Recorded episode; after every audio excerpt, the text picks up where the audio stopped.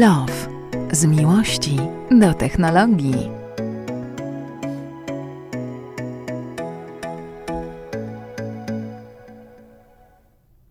Dzień dobry, witamy Was bardzo serdecznie. Dzień dobry. Jest Dagmara i mamy dzisiaj, w ogóle ten odcinek miał być trochę inny, ale trafił nam się, trafił, udało nam się zamówić y, tutaj mm, bardzo fajnego gościa, a w sumie to nie zamówić, tylko namówić do rozmowy.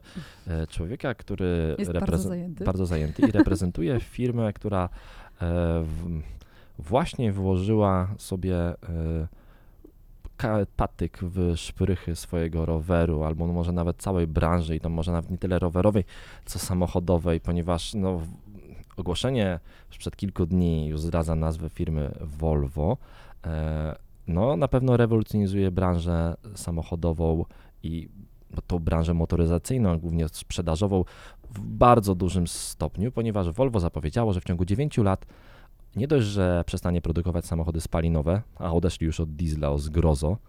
E, Jakiś czas temu powiedzieli, że nie będą robili diesla. Ja nie wiem, jak tak można. Pertyn się w grobie przewraca. E, proszę, w grobie. Na fotelu, na fotelu, na fotelu Miraja się przewraca, bo dzisiaj widziałem jeździ Na Mirajem. tronie. E, nie, tak, on na tronie. Ale Mirajem dzisiaj widziałem A, jeździł. E, przepraszam. I e, mamy tutaj jest Stanisława Dojsa, który jest e, przedstawicielem Volvo. A Volvo właśnie zapowiedziało, przestanie robić samochody spalinowe za 9 lat oraz przestanie te samochody sprzedawać u dealerów, tylko będzie sprzedawało po prostu jak plebejska Tesla, tylko online. Oto bardzo piękne wejście, takie z wykopem. E, Firma na T, o której wspomniałeś, udowodniła całemu światu, że można coś robić inaczej. Natomiast Volvo proponuje mimo wszystko model inny. Samochody elektryczne Volvo, czyli docelowo wszystkie samochody, tak jak wspomniałeś, bo przez 9 lat nastąpi ta taka etapami elektryfikacja całkowita. One będą zamawiane online, ale będą wciąż u dealerów odbierane. Mamy sieć dealerską na przykład w Polsce, która jest siecią taką dobrze wyważoną. Tych salonów nie ma dużo i nie ma planów ich likwidacji. Salon będzie e, również cały czas miejscem, gdzie samochód się odbiera, gdzie samochód się również serwisuje, a także e, salon będzie miejscem, gdzie w przypadku użytkownika, który nie chce zamawiać przez internet, no weźmy na przykład osoby starsze, które trochę czują się zagubione gdzieś tam, czy osoby, które chronią Typowy swoje dane. klient Volvo. nie, nie typowy, ale jesteśmy otwarci na wszystkich klientów. Też, też są takie osoby, nie można o nich zapominać. A ile to jest procent?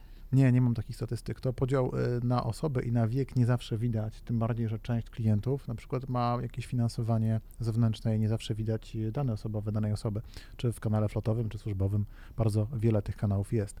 Można w każdym razie do salonu przyjść i przy tobie handlowiec zamówi taki samochód, e, oczywiście online, natomiast od razu wybierze miejsce salonu, to w którym pracuje, gdzie na, nastąpi odbiór. Zatem to nie jest pomysł na zlikwidowanie sieci dealerskiej, ale Tylko pomysł na, obcię- na powiększenie sobie zysków i obcięcie zysków dealerom, żeby nie mogli dawać rabatów. I zapanowanie nad cenami, tak, to jest największa, największa historia. Dzisiaj to, z jaką ceną wyjedziemy w przypadku tego samego samochodu, no to jest kwestia mm, bardzo wielu zmiennych, które następują i ta cena może być różna, a te ceny docelowo mają być takie same. Ta zmiana nastąpi płynnie na przestrzeni 9 lat. Z każdym kolejnym samochodem elektrycznym te ceny będą wprowadzane w sposób stały. Na razie XT40 do Polski właśnie wjeżdża, C40 wjedzie za chwilę, zobaczyliśmy jej zdjęcia w internecie, można podejrzeć, a niebawem będą kolejne. Już będzie można zamówić. Ale rozmawialiśmy z Norbertem przed nagraniem, że 9 lat to i dużo, i mało. Z jednej strony, wiadomo, normy, które, y, których trzeba przestrzegać i one są coraz bardziej restrykcyjne. Mamy Euro y, 7, 7 w tej chwili, tak? Nie, 6. Euro 6D, bez 6D, wstępu. dokładnie. E, I, i, I pytanie, czy my jako konsumenci jesteśmy w stanie przygotować się na to, co nam proponujecie, czy, czy jednak ten e, czas trzeba będzie troszeczkę wydłużyć? Czy wy się zmieścicie w 9 lat i czy my się przyzwyczaimy do tego, co nam proponujecie? W tej chwili przewidywanie 9 lat do przodu, no to jest bardzo trudne o tyle, że takiego tempa zmian w branży motoryzacyjnej dawno nie było. Kiedyś przez 9, 10, 20 lat nie zmieniało się nic. Samochody dostawały jakieś subtelne zmiany, y, czasami techniczne, technologiczne, a dzisiaj w ciągu kilku lat, jak widzimy i pandemia też to pokazuje, świat stanął na głowie i jeszcze przyspiesza na tej głowie, cały czas stojąc. Zatem to, co wydawałoby się jeszcze całkowicie irracjonalne, na przykład 7-9 lat temu, w świetle obecnych przepisów, które na przykład mamy dotyczące CO2 w Unii Europejskiej, czy w świetle też kolejnych norm, które po prostu mm, sprawią, że diesel przestanie być jakkolwiek opłacalny, bo robienie coraz czystszych spalin, potem będzie norma Euro 7, będzie tak trudne, a że będzie się to opłacało tylko w dużych samochodach, na przykład w ciężarówkach dostawczych, ale docelowo cała Unia Europejska ma też rozpisany plan, by być y, bezemisyjna i samochody spalinowe już mają, można powiedzieć, podpisaną datę, kiedy, będą, kiedy będziemy im wszystkim machać chusteczką. E, niektóre kraje też już ogłosiły konkretne daty, kiedy nie będzie można zarejestrować tam nowego samochodu Nawet spalinowego. Stany Zjednoczone, zdaje się, że Kalifornia ma e, taki pomysł. E, Chociaż wiecie, ja sobie tego nie, szczerze mówiąc nie... Kalifornia, Kalifornia. W Kalif-. Volvo S60 jest z Kalifornii wyprodukowane? Nie, jest produkowane po drugiej stronie Stanów Zjednoczonych, czyli Okej. w Karolinie Południowej. A, no tak, faktycznie. Natomiast rzeczywiście Kar- Kalifornia jest jednym z bardziej ekologicznych stanów, takich, które bardzo o to dbają. W, w Europie, daleko nie szukając, Norwegia wskazała datę 2025, podobną datę wskazała Holandia. Oczywiście pytanie, czy te kraje będą na tyle konsekwentne i czy to wdrożą, czy będzie czy coś się wydarzy po drodze, tego nie wiemy. Za dużo zmiennych, by, by prorokować, no ale ogłosiły to w tej chwili. Kolejne kraje, Irlandia, Dania, do 2035 roku tych krajów przybędzie kolejnych kilka a w 2040 roku są przymiarki, by wycofać samochody spalinowe nowe e, w Wielkiej Brytanii i we Francji. Ja tylko zastanawiam się, czy do tego czasu w ogóle jeszcze komuś będzie opłacało się produkować samochody spalinowe osobowe, dlatego że w świetle obecnych przepisów nawet przekroczenie o pół grama emisji CO2, które są rozpisane, a które będą jeszcze zaostrzone, to się kończy milionowymi karami. No ale dla was, producentów, a ciągle nie dla nas, korzystających, klientów. Tylko jeżeli producent nie będzie mógł wyprodukować i bez kary sprzedać, to nie zaoferuje tego w salonie. Zatem ten Mhm. wybór będzie pomiędzy samochodem elektrycznym a hybrydowym. Przecież samochody kupuje się na Otomoto, a nie w salonach używane 13-letnie z Niemiec. Zły policjant. No tutaj widzę taką moderację, ale tak się składa, że ja kiedyś w przeszłości, zanim trafiłem do Volvo, pracowałem dla jednego z dużych, właśnie największych serwisów ogłoszeniowych w Polsce i pamiętam, że te dane dotyczące wieku samochodu, one były trochę bardziej optymistyczne niż pokazują to statystyki rejestracji. Raczej obrót tymi samochodami w Polsce następował głównie 10-11-letnimi, to była średnia, więc nie są to wcale tak stare samochody, jak się przyjęło sądzić. Jeżeli nawet założymy, że te samochody będą się wlewały na nasz rynek z pewnym opóźnieniem, to nie da się jeździć klasykami do końca świata. I samochody służbowe potrzebują mm, określonych amortyzacji kosztów, wymienia się je częściej. Samochody w wypożyczalniach to idzie w tym kierunku. Zapewne wiele osób stwierdzi, że fajnie jest mieć w garażu klasyczny samochód spalinowy, ale proszę, wierzcie mi, że to nie będzie wiodący system napędowy. I pytanie, czy nie pojawią się jeszcze jakieś, bo mówimy o bardzo odległej przyszłości.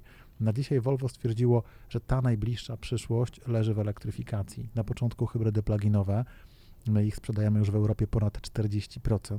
Tego w Polsce nie czuć, bo Polska jest takim rynkiem, który trochę podąża za resztą i jest jakiś krok z tyłu na pewno technologicznie. Jeśli nie dwa. Tak, no też prawo u nas nie powoduje, że ludzie nie mają takiego, takiej motywacji ani podatkowej, ani innej. Hybrydami pluginowymi nie można na przykład jeździć po obuspasach. W przypadku Eu- Europy Zachodniej tam też jest prawo, które sprawia, że pewne rzeczy dzieją się szybciej. No to są bardzo ciekawe czasy. Myślę, że 5 lat temu nie wyobrażalibyśmy sobie tempa zmian, które właśnie oglądamy. Kilka dni temu była prezentacja waszego drugiego modelu w pełni elektrycznego, czyli Volvo C40, e, czyli takiego e, elektrycznego suva. troszeczkę, Teraz się musisz suwa wytłumaczyć. Prze- Przepraszam, muszę to powiedzieć. Czemu mnie tu nie było? E, Splot okoliczności różnych, nazwijmy tak. I teraz mam pytanie. Czy ten samochód będzie sprzedawany tylko online, jak kupasz pierwszy samochód, czy jego ciągle będzie można kupić klasycznie w salonie? Czy to jeszcze nie ten moment? Czy to już ten moment, że będziecie wchodzili tak po kolei, czy nie? te zarówno XC40 Recharge, czyli samochód całkowicie elektryczny, jak i C40 to będą samochody dostępne online. Oczywiście online należy złożyć takie zamówienia. Sam jeszcze nie wiem dokładnie, jak to Czyli już nie będę mógł dostać rabatu na, C4, na C40. Na C40 będzie mm, pytanie, bo to też jest, y, czy na przykład nie będzie jakichś czasowych ofert y, mm, og- ograniczonych w czasie, które Będzie będą, można wejść na grupę na Facebooku. zapytać, Nie ma ktoś kodziku zniżkowego na C40? czy, czy, czy grupą, no raczej bym się nie spodziewał, czy jakaś magiczna zdrabka, tak, gdzieś tam dodawana do produktów spożywczych. Te ceny będą zdecydowanie ujednolicone. One będą jedne dla całego kraju. Dilerzy będą mogli pomóc Ci skonfigurować taki samochód. Sami jeszcze nie wiemy, jak będzie wyglądała kwestia samochodów demonstracyjnych, sprzedaży flotowej. To jest zupełnie nowa rzeczywistość. Jeszcze nie wszystkie odpowiedzi są znane. Na pewno to wszystko będzie się stawało ciałem na przestrzeni najbliższych e, pewnie na tygodni, miesięcy. Sami patrzymy na to mm, z dużym zainteresowaniem.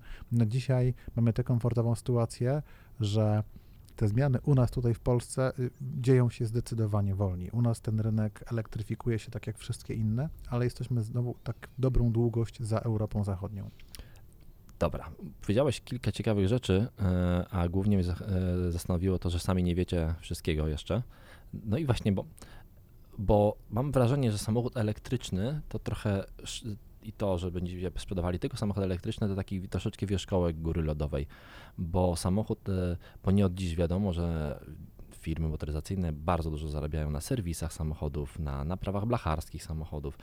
W tym momencie odcinacie sobie troszeczkę e, własną gałąź, na której siedzicie, no bo i samochody elektryczne, no to ja rozumiem, że nie ma odwrotu, ale e, chciałem dowiedzieć się, czy, czy, czy Volvo myśli do przodu na ten temat, na czym będzie zarabiało de facto, no bo nie da się zarobić na wymianie oleju, nie da się wcisnąć klientowi, że, son, że samochód mu dużo pali, bo sonda lambda popsuta i trzeba ją wymienić. E, nie da się klocków hamulcowych, wymienia się je rzadziej. Opony może trochę częściej, bo masz dohamowywanie, więc mogą opony zużywać akurat, ale na oponach, na, na oponach nie zarabiacie za bardzo. E, samochody mają asystenta utrzymania pasa, mają e, asystenta zapobiegającego najechaniu na samochód z przodu, więc ciężko je rozbić. W sumie dzisiaj próbowałem rozbić Honda Jazz, y, którą, je, y, którą jeżdżę i się nie udało. Zapobiegła tej sytuacji. To dobrze, bo możemy to nagrać dzisiaj. A, nie, to bo takie rozbicie, że mi się nie stało, tylko nie miałbym czy tu, czym tu przyjechać. I teraz pytanie, na czym firmy motoryzacyjne chcą teraz zarabiać? No bo to jest właśnie ta odpowiedź, że już nie będziecie dawali rabatów, samochody no będą po prostu mhm. droższe, dlatego że, że serwis będzie mniej istotnym y, punktem w Excelu? Cały ten środek ciężkości się nieco przesuwa, ponieważ razem z premierą Volvo C40 nastąpił taki, taki cały pakiet oświadczeń przedstawicieli Volvo Cars, gdzie te usługi będą zmierzały. Samochód nie będzie tylko produktem do wypchnięcia i do wyserwisowania, tylko będzie razem z całą otuliną, którą możemy sobie do takiego samochodu dobrać. Możemy sobie go wziąć razem z ubezpieczeniem, razem z nie tylko z serwisem, ale z opcją ładowania w domu. Zatem tych wszystkich opcji dodatkowych, które możemy sobie dokupić, będzie sporo. Dwa, że też Volvo zakłada, że mm, też podstawą tego całego planu biznesowego jest wzrost. Oczywiście nie wiemy jeszcze, jak będzie wyglądało serwisowanie samochodu elektrycznego w praktyce, ale zgadza się, nie będzie tam wymiany oleju na przykład, tak, czy filtra powietrza. No ale już testy przechodzicie chyba, bo macie już ich 40 za chwilę wejdzie do Polski. Tak. Mm, pytanie oczywiście o to, jaki będzie reżim serwisowy, co trzeba będzie w takim samochodzie robić. Z pewnością, z pewnością ten model się zmieni, natomiast ten model zakłada również wzrost sprzedaży. Tych samochodów będzie więcej. Również chcemy sprzedawać samochody w pewnego rodzaju e, obsłudze abonamentowej, tak by te samochody były w okresie dwu, trzyletnim użytkowania, potem wracają. Dilerzy będą też te samochody otrzymywali do sprzedaży dalej, zatem będą też e, miejscem zakupu tych samochodów używanych dalej. To też jest bardzo ważny element tego biznesu. No to wiesz, ja bym e, tutaj śmiem twierdzić i wejdę znowu, wiesz, będę tym złym policjantem, tak jak Namara powiedziała. Naprawdę uważacie, że samochodów się będzie elektrycznych sprzedawało więcej niż normalnych? Bo jednak trend jest taki, żeby... Ale poczekaj, jak nie będzie samochodów innych niż elektrycznych ale te, 9 lat, no to... to... Tak, ale czy ogólnie samochody, zrozumiałem, że Staszek powiedziałeś, że będzie się po prostu więcej samochodów sprzedawało, a ja uważam, że odwrotnie, że systemy, że idziemy jednak w perspektywie tych 10 lat, a to taka no, perspektywa i krótka, i długa, idziemy w kierunku samochodów, które po pierwsze będą samochodami albo car sharingowymi i, i do centrów miasta raczej się nie, wie, nie wiedzie własnym samochodem, tylko nie można jeździć tylko samochodem car sharingowym, albo te samochody będą współdzielone, będą autonomiczne i będą po prostu jeździły same wtedy, kiedy i jakby obsługiwały więcej osób na raz, no bo to nielogiczne jest, że każdy ma samochód i ten samochód przez 90% czasu stoi, ten samochód powinien no stop jeździć, więc de facto powinno tych samochodów sprzedawać się mniej. I być może tak będzie, jeżeli mówimy o całym rynku, ale teraz A, kryzys okay. pokazuje, że marki premium bronią się przed spadkami. W lutym w Polsce mieliśmy sytuację, gdzie w pierwszej dziesiątce marek najlepiej sprzedających się samochodów były cztery marki premium, w tym Volvo, w pierwszej dziesiątce. Zatem w tej chwili rynek nie zachowuje się proporcjonalnie. Jest tak, że samochód staje się trochę bardziej luksusowym dobrem niż był dotąd, przy czym marki premium notują najlepsze wyniki spośród wszystkich marek. Dochodzi Wiesz, wiadomo, w kryzysie bogaci się bogacą, biedni biednieją. Albo docierają do tej grupy bogaczy nowi, którzy zarabiają na kryzysie. Tak, to mhm. tutaj to są pewnie rozmaite dywagacje. Fakt faktem, że rynek w zeszłym roku w Polsce, cały samochodów, spadł dwadzieścia kilka procent a Volvo praktycznie nie miało spadku, to było mniej niż 0,5%. Globalnie Volvo Cars straciło 6,5%. To jest też dużo mniej niż średnia dla wszystkich rynków, które najczęściej sięgały 20% lub lepiej. Teraz e, Volvo po dwóch miesiącach tego roku odnotowało 30% wzrost. Nie chciałbym teraz katować Państwa liczbami i propagandą sukcesu, ale wyraźnie widać, że rynek zachowuje się inaczej niż premium. Premium e, to jest e, taka kategoria, że rośnie. Do tego Volvo Cars też ma konkretne plany wzrostu. To mają być liczby przekraczające docelowo, czy docierające do poziomu 1 200 więc nie znam jeszcze poziomu, e, jak, ile się na takim samochodzie będzie zarabiało, to jest jeszcze wróżenie w, na tym etapie z fusów. Natomiast tych samochodów po prostu ma być więcej. Mhm. Zatem będzie to być może tort krajany trochę cieńszymi kawałkami, ale będzie go więcej. A może to jest też trochę tak, że skoro nie wiemy, co się zadzieje, to możemy trochę ten e, rynek wykreować. Przecież wiemy, e, akurat taką wiadomą historią jest to, że młodzież, e, czyli młodzi ludzie, którzy dorastają i robią prawo jazdy, nie potrzebują samochodu, który stoi im w domu i tak jak powiedział Norbert, 90% czasu po prostu stoi i nie jeździ. Więc być może macie też jakiś plan taki, który powiedziałeś trochę o tym, że, że car sharing, że wypożyczanie, że użyczanie samochodów na, na, na dłuższy czas. Może to jest jakiś kierunek, który określa tę przyszłość motoryzacji. W Göteborgu Volvo ma taki projekt, który w ogóle zakłada tworzenie robotaksi, czyli taksówek, które przyjeżdżają bez kierowcy i wożą nas w jakieś miejsce. Też e, firma przygląda się mocno carsharingowi i też ma swoją firmę zajmującą się taką tak rozumianą mobilnością. Co do e, samej Polski, myślę, że tutaj u nas, dokładnie w Polsce, Volvo to jest marka premium i spodziewam się, że ktoś, kto kupuje samochód premium, niekoniecznie będzie tak skory do jego pożyczania, jak ktoś, kto kupuje markę, no samochód znacznie, znacznie tańszy, który po prostu został kupiony w celach bardzo pragmatycznych, nie używam i ktoś inny jeździ. Często zamożni ludzie średnio chętnie wpuszczają do swoich mm, prawda, dobrych, luksusowych domów innych ludzi, ponieważ to jest ich, mamy COVID, pewną prywatność im bardziej mamy tą bardziej stabilną sytuację finansową, tym mniej musimy pewne, pewne rzeczy, nie, jesteśmy zmuszeni do tego, żeby tych samochodów, właśnie swój konkretny samochód, żeby gdzieś go stawiać i na nim zarabiać. Jeżeli taka możliwość będzie w przyszłości, kto wie, może ktoś się skusi. Przy czym na dziś są to naprawdę mocno hmm, jest to wróżenie jeszcze z fusów. Jeszcze nie wiemy. To, co widać w Szwecji, że Szwedzi są bardzo otwarci. Tam jest takie społeczeństwo niezwykle, można powiedzieć, o takiej płaskiej strukturze. Tam nie ma żadnego wstydu, by piastować wysokie stanowisko państwowe i pojechać komunikacją publiczną, tramwajem.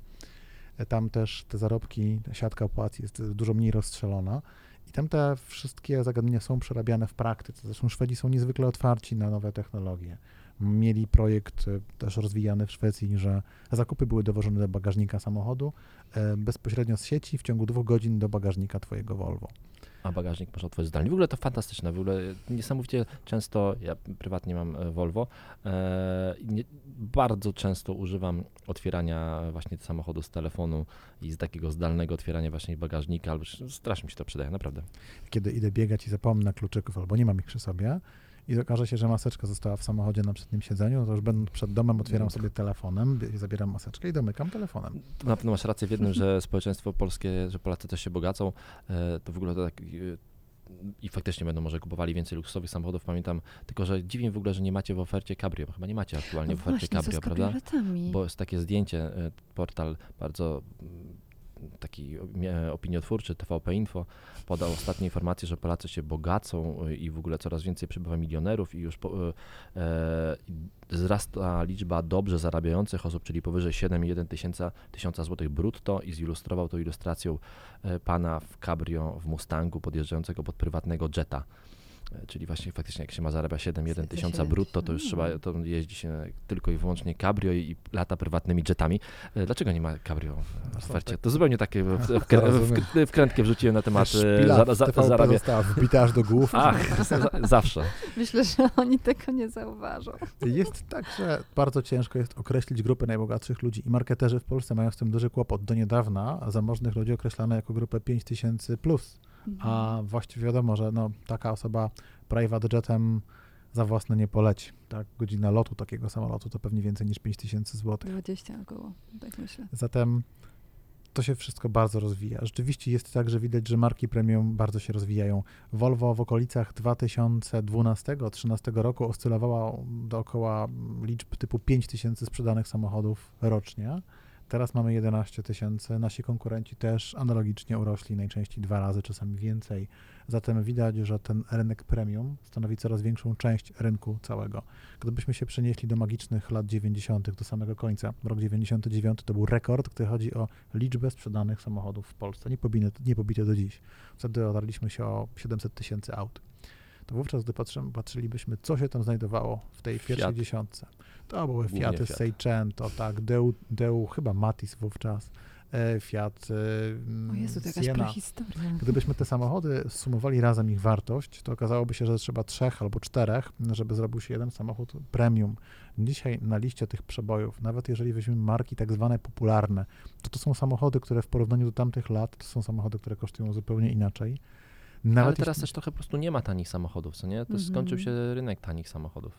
ale teoretycznie moglibyśmy mieć układankę, która składa się pierwsze 10 sztuk, gdybyśmy szli drogą analogii lat 90., samochody praktycznie bez wyposażenia, które nawet po przetłumaczeniu tamtych cen na nasze kosztowałyby 40, 50, 60 tysięcy, byłyby białe z czarnymi zderzakami i miałyby manualną klimatyzację. Ale teraz biały jest bardzo popularny w ogóle, to, to samochód na tobie, białe Ale- samochody są okej. ale nie metali, ale metalizowane, a wtedy okej. były to często białe z czarnym zderzakiem. To nie jest ten poziom estetyczny, estetyki. E, Dobra. Ale e, poczekaj, bo pytałeś o, o kabriolety. Ja jestem jako żywa Kabriolety, Tak, zainteresowana.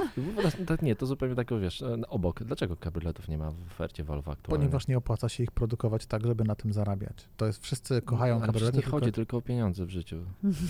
to Chodzi o przyjemność z jazdy. Ale rozmawiasz z przedstawicielem firmy motoryzacyjnej. Tutaj te klocki Volvo biznesowe są poukładane niezwykle logicznie. Mieliśmy kiedyś samochody, które były pewnego rodzaju, no właśnie, popuszczeniem fantazji. W przyszłości mieliśmy Volvo C70, Volvo C30.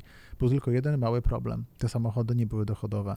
Zaprojektowanie podwozia, które nie jest domknięte od góry dachem, które będzie miało całą strukturę nośną, gdzieś tylko w tych dolnych częściach nadwozia, ma inne drzwi, wszystko ma inne, bo musi być, in, być inne a potem amortyzowanie tego niezwykle małą sprzedażą, no w przypadku naszej marki to po prostu się nie zwraca. Jeżeli nasi koledzy ze Szwecji zobaczyliby, że na tym można zarabiać pieniądze, że jest na to ogromny rynek, to myślę, że wówczas kabriolet by się szybko pojawił. Tymczasem świat jest nieubłagany i dzisiaj przyszłością motoryzacji są SUVy, crossovery i nasze trzy modele SUV, czyli XC40, XC60 i XC90 stanowią dobrze ponad 70% naszej sprzedaży. Wszystkie pozostałe modele pracują na sprzedaż to było 20 kilka procent. Proszę cię, Lexus ciągle sprzedaje LFA, jak się uprzesz. No, Nie znam statystyk, czy zarabiają na tym. No dobrze, proszę cię, no właśnie o tym mówię, no LFA to jest samochód, e, to jest, to jest ten model samochodu, na którym e, najwięcej w historii motoryzacji firma jakakolwiek traci. Lexus chyba na każdym LFA sprzedanym traci dużo więcej niż on kosztuje. E, Więc e, Podobna historia dotyczy super samochodów, takich, które mają po 1000 koni. Jeżeli dogrzebalibyśmy, ile kosztowało, dogrzebalibyśmy się do danych, ile kosztowało rozwinięcie takich aut po 1000 koni, to wszyscy się fascynujemy, oglądamy, jak wspaniale przyspieszają w brytyjskich programach ironiczni prowadzący, wciskają, ten ma 1000 koni, nie, ten 1100, tylko potem ten samochód ma się do naszych możliwości nabywczych, tak jak możliwości nabywcze pana zarabiającego 7 na rękę do private jeta. to, to na pewno tak, e, aczkolwiek e, na przykład gdybyś chciał kupić e, sobie teraz, pójść do salonu Ferrari i kupić nowe Ferrari z roku produkcyjnego 2021, no to nie możesz tego zrobić, bo już się wszystkie na ten rok sprzedały i dopiero 2020 chyba D3 jest możliwość kupienia, bo wszystkie się sprzedały po prostu, które zostały zaplanowane ich produkcja. A tu, skontrolo- tu mamy do czynienia z kontrolowaną liczbą tych samochodów, Oczywiście, że że był tak. niedobór. Ostatnio jedna firma zegarkowa, Filip Patek, wycofała pewien model, bo był zbyt popularny, e, żeby nie doszło do inflacji marki, żeby wciąż było więcej chętnych z portfelami, którzy nimi machają. To Ale wiecie co, ja odwrócę w takim razie tą historię, o której rozmawiamy, no bo przecież, mm, okej, no zarabiać trzeba i jak rozumiem, firma jest po to, żeby y, gromadzić środki i y, iść z duchem postępu i, e, i wdrażać nowe technologie i na to potrzebne są pieniądze. Super, ale są przecież amatorzy różnych modeli samochodów i teraz jakby wycofanie tego modelu powoduje, że ktoś przestaje się interesować konkretną marką, a szuka w tej, gdzie, której jest dostępny, dostępny na nawozie, którego interesuje. Zastanawiam się, czy by nie można było zrobić właśnie takiego, e, takiego o, o, no, przypadku, że okej, okay, no to zróbmy jeden model, który będzie dla tych amatorów, którzy na pewno po to przyjdą, sięgną, bo wiedzą, że to marka, e, która ma po pierwsze doświadczenia, po drugie, jeśli już coś skonstruuje, to zrobi to porządnie, będziemy w tym samochodzie bezpieczni, a przy okazji będziemy mieli fan z jazdy. To jest w takim idealnym świecie pewnie taki możliwy scenariusz. Tymczasem mamy dzisiaj z jednej strony miłość do samochodów deklaratywną, czyli podobają nam się samochody. Są takie też marki, które się w tym specjalizują. Nie mówię o naszej marce, bo nasza marka jest marką niezwykle pragmatyczną. Jest, jest, jest elegancka, produkuje suwy, które, a ludzie kupują suwy, tu się wszystko zgadza. Natomiast jest taka marka, nie wypada mi o niej mówić, która produkuje piękne samochody, które wszyscy kochają, ale sprzedaż tej marki jest po prostu słaba. Mhm. I to jest najgorszy możliwy scenariusz dla takiego producenta. Tutaj mamy do czynienia z bardzo pragmatycznym podejściem. Nasi przedstawiciele i to najwyżsi, którzy prowadzili tę konferencję ostatnio, wprowadzającą model C40, mówili, że być może nawet będzie trzeba jeszcze ograniczyć liczbę modeli, bo zwłaszcza rynek sedanów i kombi bardzo się przerzedza. On jest dosłownie zjadany przez rynek suwów. Ludzie kochają suwy i to jest w tej chwili taki trend, który nie gaśnie. Nie wiadomo, być może kiedyś się ten trend odwróci, ale na dziś to, co SUV daje, czyli ta trochę wyższa pozycja za kierownicą, lepsza widoczność, poczucie bezpieczeństwa, bo siedzę trochę wyżej, łatwiejsze pokonywanie krawężnika, bo nikt SUVem nie jeździ na jakieś rajdy przeprawowe, to jest coś, co powoduje, że w ostatnich 20 latach no po prostu nasze społeczeństwo, globalne społeczeństwo dało uwieść się suwom i ta miłość trwa. Chyba, że, chyba, że miasta się będą kurczyć, a pewnie będą, to może wrócimy do. No ale na wsi do, do pick-upów. Hmm. Znowu mamy do czynienia z sytuacją, że to, to suwy się pięknie, pięknie ewoluują. Robimy się, mamy coraz więcej małych suwów. Jeżeli mm. spojrzycie na to, co Volvo oferowało 20 lat temu, to SUV to musiał być kawał samochodu XC90, XC60. Z Yamaha. Tak, tak pojawiła się w 2007 roku się dopiero XC60 pojawiła i to był mniejszy SUV. Dzisiaj mamy XC40, która jest jeszcze mniejszym suwem. Wszyscy producenci... Czyżbyś zapowiadał XC20? Ostatnio próbował, jeden z dziennikarzy na wywiadzie próbował ciągnąć się za język jednego z naszych e, przedstawicieli. Mm, kiedyś taka zapowiedź gdzieś tam padła w mediach, ale nie była potwierdzona. Natomiast możemy zobaczyć, że Volvo oświadcza ostatnio, że będzie miało nową platformę. Będzie współpracować mocno z Geely i to jest platforma, na której da się budować samochody jeszcze mniejsze niż dotąd, większe też. Tutaj stawiamy trzy kropki, domyślni słuchacze mogą tylko zastanawiać się, co to oznacza. Dobrze, ja jeszcze wrócę do samochodów elektrycznych i e, jako taki ostatni temat muszę to wrzucić, bo jest to mój konik, czyli właśnie samochody elektryczne oraz ich ładowanie. Więc co jest pierwsze, kura czy jajko? Czy pierwsza powinna być ładowarka, a potem samochód elektryczny, czy samochód elektryczny, a potem ładowarka? Większość e, producentów samochodów elektrycznych, e, tych takich, którzy robią ich duże ilości, albo się wiąże w jakieś sojusze, jest Ionity, gdzie jest, e, gdzie jest sporo producentów samochodów, którzy stworzyli, stworzyli sieć ładowania samochodów. Są marki, które stawia, robią, inwestują w inne sieci samochodów ładowania. Czy Volvo, chcąc zaistnieć na rynku samochodów elektrycznych i z tak odważną deklaracją produkcji tylko samochodów elektrycznych za 9 lat, myśli o rozwoju albo o wejściu w jakiś alians z jakąś siecią ładowarek, no bo bez tego, mm, ja wiem, że 80% ładowania samochodów y, odbywa się w domu, ale podobno już teraz wcale nie 80, tylko 70, że ludzie coraz częściej ładują samochody na mieście i w trasie, więc czy Volvo planuje tutaj y, jakieś ruchy na, y, na tym polu? Kładę rękę na sercu i mówię, że nie mam żadnej takiej informacji wewnętrznie, abyśmy planowali współpracę z jakąś firmą energetyczną. To, o czym słyszałem i co firma ogłaszała, to jest współpraca z Plug Surfing, czyli z taką e, platformą, dzięki której można ładować samochody w całej Europie, bo dzisiaj prawdziwą zmorą kierowców, poza tym, że ładowarek nie, nie zawsze jest tyle, ile się chce, to jest to, że one są wszystkie w innych systemach. Wszędzie by trzeba ściągnąć aplikację, wszędzie sparować kartę kredytową z daną aplikacją. Są takie firmy pojedyncze, mniejsze, które mają bardzo fajną, szybką ładowarkę, ale które mają taki regulamin, który pozwala zrobić z twoją kartą kredytową tyle, że aż ci się odechciewa i chowa się z powrotem do kieszeni. Nikt nie czyta regulaminów. Tak. No, czasami jest, są na przykład takie rzeczy, że po, m, mm, pozwolenie na obciążenie dowolnymi kwotami, czy jakieś bardzo dziwne dostępy do Twoich kart. Jest kilka firm, które zdobyło już zaufanie klientów, które zaczynają na rynku dominować, ale te mm, mogą być to różne firmy w różnych częściach kraju. Wyobraźmy sobie, że gdzieś na południu Polski będzie mocniejsza jedna firma energetyczna, gdzieś na środku inna, w drugim kraju, kiedy wyjeżdżamy na przykład do Niemiec samochodem elektrycznym, bo na przykład w którymś momencie. No tak, ale pozwoli. y, ja, roz- ja rozumiem, to, to co mówisz, I to- karta powoduje, że nagle, tak jak karta jakaś taka typu Rutex, która działa w całej Europie, zaczyna obsługiwać wszystko. Ale to karta jest- bądź aplikacja. Ale czy to jest rozwiązanie, czy to nie, to, to nie przy powiększy ilości ładowarek, to nie rozbuduje sieci, jednak inni producenci inwestują, mając takie karty, bo nie wiem, Mercedes ma taką kartę, którą też możesz naładować się na dowolnej ładowarce, ale to możesz pójść na Shella i kupić sobie taką kartę na Shellu i tą kartą na, Shella mam taką kartę, odbijesz się na wszystkich ładowarkach, I czy to Greenway, czy Revnet, czy, czy dowolną, odbijesz się na, czy Ionity, naładujesz się na każdej ładę i, i każdy może sobie taką kartę po prostu zamówić i dostanie ją i podpiąć tylko kartę kredytową raz. E, ja uważam, że e, za odważną deklaracją produkcji tylko samochodów elektrycznych powinna pójść odważna deklaracja. Dołożymy się do e, chociażby do Ionity albo do innego konsorcjum, które stawia ładowarki, bo zrobimy wszystko tak, żeby klienci mogli te samochody naładować i żeby mogli nimi jeździć po trasach, ponieważ na każdej stacji benzynowej będzie szybka ładowarka. Na, dzisiaj e, zastanawia mnie to, ponieważ cała branża trochę po omacku próbuje sprawdzić, który model biznesowy będzie najlepszy.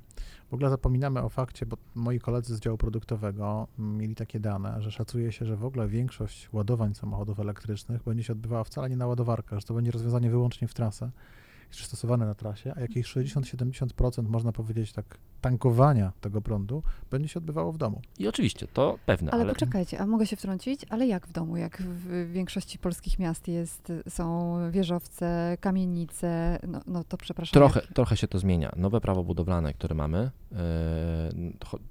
jakby ustawa, znaczy nawet nie ustawa, rozporządzenie e, porządkujące te sprawy ukazało się chyba w styczniu tego roku.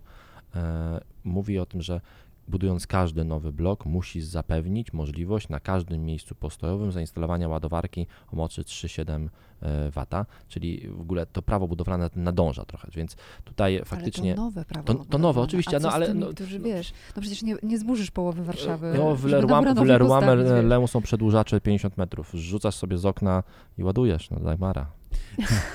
Jest tak, że znowu, dzisiaj samochody elektryczne, które zaczynają się na rynku pojawiać, to nie są samochody, które są mm, dla wszystkich.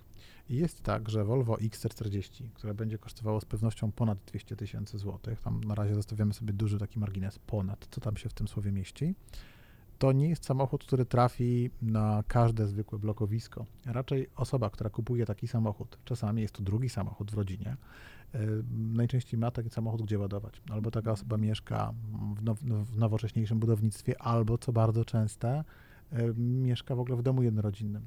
To ostatnio trafiłem na takie dane mówiące o tym, że w Polsce mamy już 300 tysięcy paneli fotowoltaicznych, odrębnych instalacji fotowoltaicznych w domach. Mhm. Jeżeli zobaczymy, ile ludzi mieszka w domach jednorodzinnych i ma własny panel, to może się okazać, że nawet jeżeli na dzisiaj nie ma jeszcze takiej pojemności rynkowej w Polsce, żeby się wszyscy przysiedli do hybryd ładowanych z gniazdka i do elektryków, ale już budowlany potencjał do tego, żeby te samochody przyjąć, jest wielokrotnie większy niż wielkość rynku. Mhm. I ten rynek, podejrzewam, samochodowy, troszkę tak jak w naczyniach płyn, będzie się przelewał powolutku z jednego miejsca w drugie. Oczywiście, jeżeli mieszkałbym w takim bloku z wielkiej płyty z lat 70., gdzie nie ma nigdzie ładowarki, to dzisiaj bym takiego samochodu nie rozpatrywał. Ale jeżeli nagle okazałoby się, że na osiedlowym takim parkingu, który między tymi blokami stoi, pojawiały się ładowarki, nagle taka rzecz się pojawia. Te rzeczy następują. No oczywiście trochę możemy być sfrustrowani, kiedy patrzymy, jak szybko dzieje się to w Europie Zachodniej, ale i u nas trzeba przyznać, to co jest w tej chwili w Polsce i w Warszawie, a to co było 5-7 lat temu, to jest ogromny rozwój. I dokładnie masz rację i, i faktycznie tak to się dzieje, jak mówisz. I, i, I są bardzo znane przykłady, na przykład miejscowości, e, nie w Polsce, ale są takie przykłady miejscowości, na przykład w Czechach, e, gdzie e, ma, czytam na, na, na forum elektromobilnym czeskim, gdzie pojawiła się firma prywatna, która jednoosobowa, załóżmy, znaczy nie, nie, nie korporacja, która w danej miejscowości miała nadwyżki prądu. Po prostu był producent prądu, miał nadwyżki prądu, miał taką sytuację, że miał kogenerator gazowy i produkował, ponieważ e, zamienił e, w swojej fabryce ten człowiek e, kotły węglowe na kogeneratory gazowe, które miały produkować mu ciepło do, do jakichś tam hal produkcyjnych. I ubocznym skutkiem tej produkcji ciepła jest energia elektryczna, no bo kogenerator gazowy można wykorzystywać na dwa sposoby, produkować prąd i mieć darmowe ciepło, ale produkować ciepło i mieć darmowy prąd. I on miał ogromne nadwyżki prądu i nie chciał tych nadwyżek prądu sprzedawać do sieci, no bo podobnie jak w wielu krajach w Europie to się sprzedaje z bardzo dużą stratą ten prąd do sieci.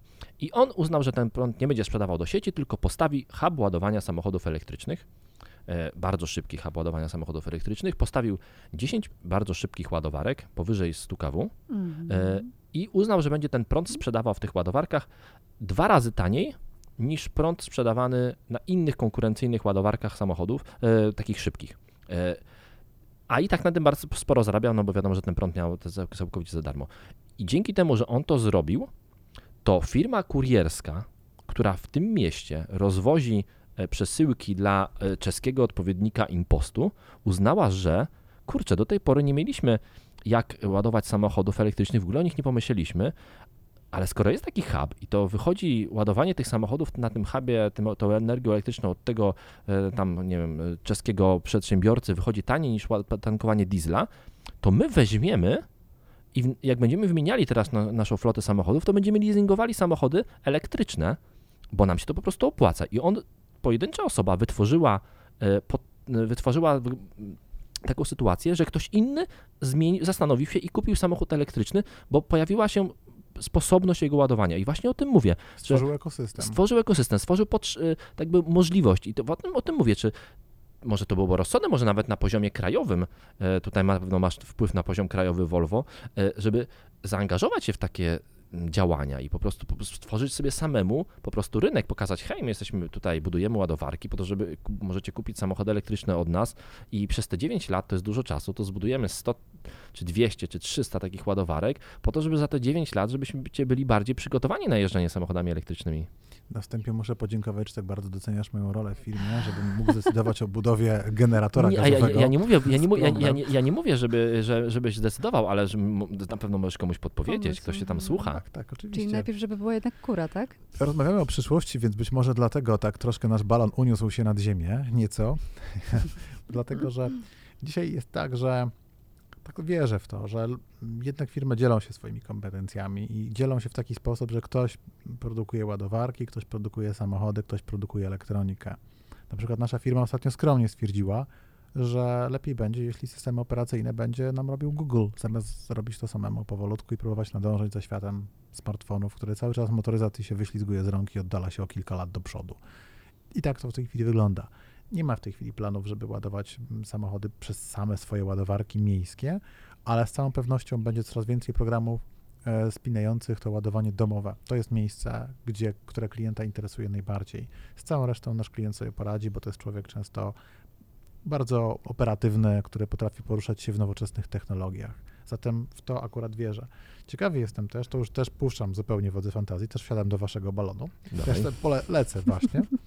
Czy nie stanie się na przykład tak, że tak jak mamy dzisiaj specjalne aplikacje typu Airbnb, że będą na przykład aplikacje, które pozwalają ładować w twojej domowej ładowarce komuś, a twój prąd kosztuje cię na przykład tylko 50 no groszy. No proszę, jak to w ogóle taki ten, I... to, to, e, kreślisz e, wizję rozwoju aplikacji Plugshare, bo oni jakiś czas temu o tym mówili, że jakby chcieli w aplikacji Plugshare i aplikacji do znajdowania miejsc do ładowania samochodów elektrycznych dać taką możliwość, żeby ktoś swoją prywatną ładowarkę mógł udostępnić e, i żeby ktoś inny, kto podjedzie na nią, mógł się właśnie tak. na nie naładować. Nie każdy, tak jak ten pan z Czech, ma kilka hal produkcyjnych i żeby mieć taką ale, nadprodukcję prądu, ale może mieć ładowarek ale może, mieć, ale może mieć solary na dachu, które da, dają mu za dużo domu. prądu. Mm -hmm. Dokładnie tak. Mm -hmm. Podejrzewam, że ma takie solary, że tam ludzi w kosmosie, oś, w stacjach orbitalnych oślepia, żeby 100 kW i to jeszcze razy kilka takie ładowarki. No to Oczywiście tak. trzeba to No tak, z solarów raczej ciężko. To jest właśnie, to jest, świat jest taki, że jeden producent właśnie tworzy wielki ekosystem, a inny będzie robił coś małego, tak? Jest miejsce w mieście, zanim jeszcze pandemia nastąpiła, na hotel, który ma 20 pięter i na kogoś, kto wynajmuje swój jeden niewykorzystany pokój w zamieszkanym mieszkaniu. Ten rynek jest na tyle pojemny, to się tak zmienia. Aplikacje w ogóle sprawiają, że to, co się dzisiaj dzieje, zmienia to w ogóle całkowicie myślenie o świecie. Możemy tak bardzo właśnie nagle pojawia się startup i ludzie oferują swoje ładowarki. W tym momencie duzi producenci, a już na przykład maksymalne kwoty za kilowatogodzinę potrafią sięgać 4,50, muszą trochę zweryfikować swoje cenniki. Działa to wszystkim na korzyść. I to jest właśnie najfajniejsze, bo nie dość, że się uczymy, to jeszcze te ceny jakoś tak nie są, nie idą w górę, tylko idą e, w dół i być może to też nas zachęci do tego, żeby zainwestować w samochód elektryczny w przyszłości, jednocześnie mając na względzie to, że albo sami możemy sobie wyprodukować prąd do y, jego naładowania, albo możemy to robić po prostu taniej. Dokładnie tak. Ja, Dzisiaj to by bardzo, samochód, elektryczny bądź hybrydowy przepięknie idzie w parze z panelem solarnym, bo jeżeli masz ten prąd sprzedać, nawet masz jego nadprodukcję, to wówczas taki samochód genialnie amortyzuje taką inwestycję, która normalnie inwestuje się dosyć powoli. Zgadza się. Y, Ja wczoraj, wczoraj robiłem jakiś wpis na temat właśnie samochodu elektrycznego, e, hybrydowego. E, pomijam markę tutaj, żeby nie mówić Volvo o jakiejś innej marce. E, I policzyłem to też na, wszelki, na wszystkie strony. Za nic się to nie opłaca. Typu nie, dopłata do samochodu hybrydowego, nawet najtańszej hybrydy plug-in jest zazwyczaj tak duża w stosunku do samochodu elektrycznego, że e, spalinowego, klasycznego, że nie nastąpi ten zwrot, nawet jeżeli będziemy codziennie jeździli tylko na prądzie i ładowali ten samochód za darmo z solarów, to i tak się to nie zwróci. Ale oczywiście nie tylko o pieniądze chodzi, o przyjemność jeżdżenia samochodem elektrycznym, o e, samo poczucie dobre, że nie zatruwamy środowiska. O cisza. O ciszę, o, o, o bardzo dużo rzeczy, więc, więc ma, tak, to nie zawsze, nie, nie zawsze w życiu chodzi o pieniądze. Dziękuję Ci bardzo za rozmowę. E, bardzo fajnie było z Tobą porozmawiać o nowej strategii Volvo, o tym jak Volvo próbuje wsadzić e, kijek w szprychy motoryzacji. Kij w mrowisko. Kij, albo kij w mrowisko. Dokładnie, dokładnie tak. Na końcu mam do Ciebie pytanie, takie ostatnie od, y, od słuchacza, od czytelnika. E, On bezpośrednio do Ciebie nie padło, ale padło do mnie e, z domysłem, że mogę je zadać Tobie. Wrzucałem dzisiaj zdjęcie właśnie Hondy Jazz, którą odebrałem testową e, i ona ma bezprzewodowego CarPlaya i napisałem, że o jak fajnie, że coraz więcej samochodów ma bezprzewodowego CarPlaya. A ktoś napisał, a Volvo ciągle nie. Naprawdę? Niedługo nasze samochody, mając nowy już system opar- oparty na Google, będą miały to połączenie. Powiem tylko, że ten nowy system Google'owy zaczyna być już taką bardzo bliską przyszłością, bo samochody XC60, S90 i V90 dostaną ten system. Wszystkie samochody, które wejdą na taśmę produkcyjną. A kiedy XC60 nowe będzie? Nowe XC60 jeszcze nie jestem w stanie podać premiery, Okej. jeszcze nie znam daty, ale Volvo z nowym systemem opartym na Google XC60, mówimy o najpopularniejszym samochodzie w segmencie premium w Polsce, 4,5 tysiąca sztuk w zeszłym roku. Ja ponad. mam wrażenie, że po mojej wsi, o, mieszkam bardzo blisko waszego salonu, jednego z większych, że jeżdżą tylko XC60, że w, ogóle, że, w ogóle, że w ogóle nie ma innych samochodów. Jak, jak odwożę rano em, córkę do żłobka, to jest w ogóle, jak ten mój samochód wygląda, jakieś Volvo, ale S60, a tam same XC60, XC60, XC60, XC60 i Bentley. Mam dużo Bentley też we wsi. Bardzo musisz mieszkać w dobrym miejscu. W każdym, Tam, gdzie ty pracujesz, w, więc... w każdym razie tak jest, że te samochody. Właśnie zapomniałem, co miałem powiedzieć. A, no. Tak. I to ja zupełnie kończąc e, i faktycznie podsumowując gamę, gamę waszych samochodów, zupełnie nie słodząc ani nic, dzisiaj Facebook, e, in, przepraszam, Instagram przypomniał mi zdjęcie sprzed, z 2017 roku, jak testowałem V90 Cross Country e, na jakiejś górce, gdzieś podjechałem na jakiś trawers, i podpisałem Volvo X e, V6, V90 Cross Country w naturalnym środowisku i to było 2017 rok i dopisałem, zupełnie nie słodząc, jak ten samochód się wcale nie zestarzał. Ten samochód, mimo że jest już tyle lat na rynku, ciągle wygląda rewelacyjnie i gratuluję tego designu, bo naprawdę ten design obecnych Volvo jest, y, ma w sobie coś z lekkiej ponadczasowości, oprócz X60, której należy się lifting. Dziękuję za rozmowę. Byłam ciekawa, czy dorzucisz coś jeszcze od siebie, jak Tak, zawsze. To, to już nie ma przestrzeni na obronę. Nie ma, nie ma. Tak, Znaczy musicie po prostu popracować nad nowym designem, koniec. ale tylko X60, bo cała reszta jest fantastyczna. Tak 4,5 jest. tysiąca ludzi zdecydowało portfelami, że ten samochód wciąż jest ok. Tylko w zeszłym roku w Polsce. No tak, ale Będziesz takie, ale takie, takie XC40 jest tyle ładniejsze. E, dziękuję Wam bardzo za Dziękujemy. rozmowę. Dagmaro, e, Tobie e, jako stałemu e, prowadzącemu i Tobie, Staszku, jako gościowi, e, a ja się tu poczułem w roli takiego Uber gospodarza, dlatego puszczam teraz dżingielek i kończę tę rozmowę. Bardzo dziękuję.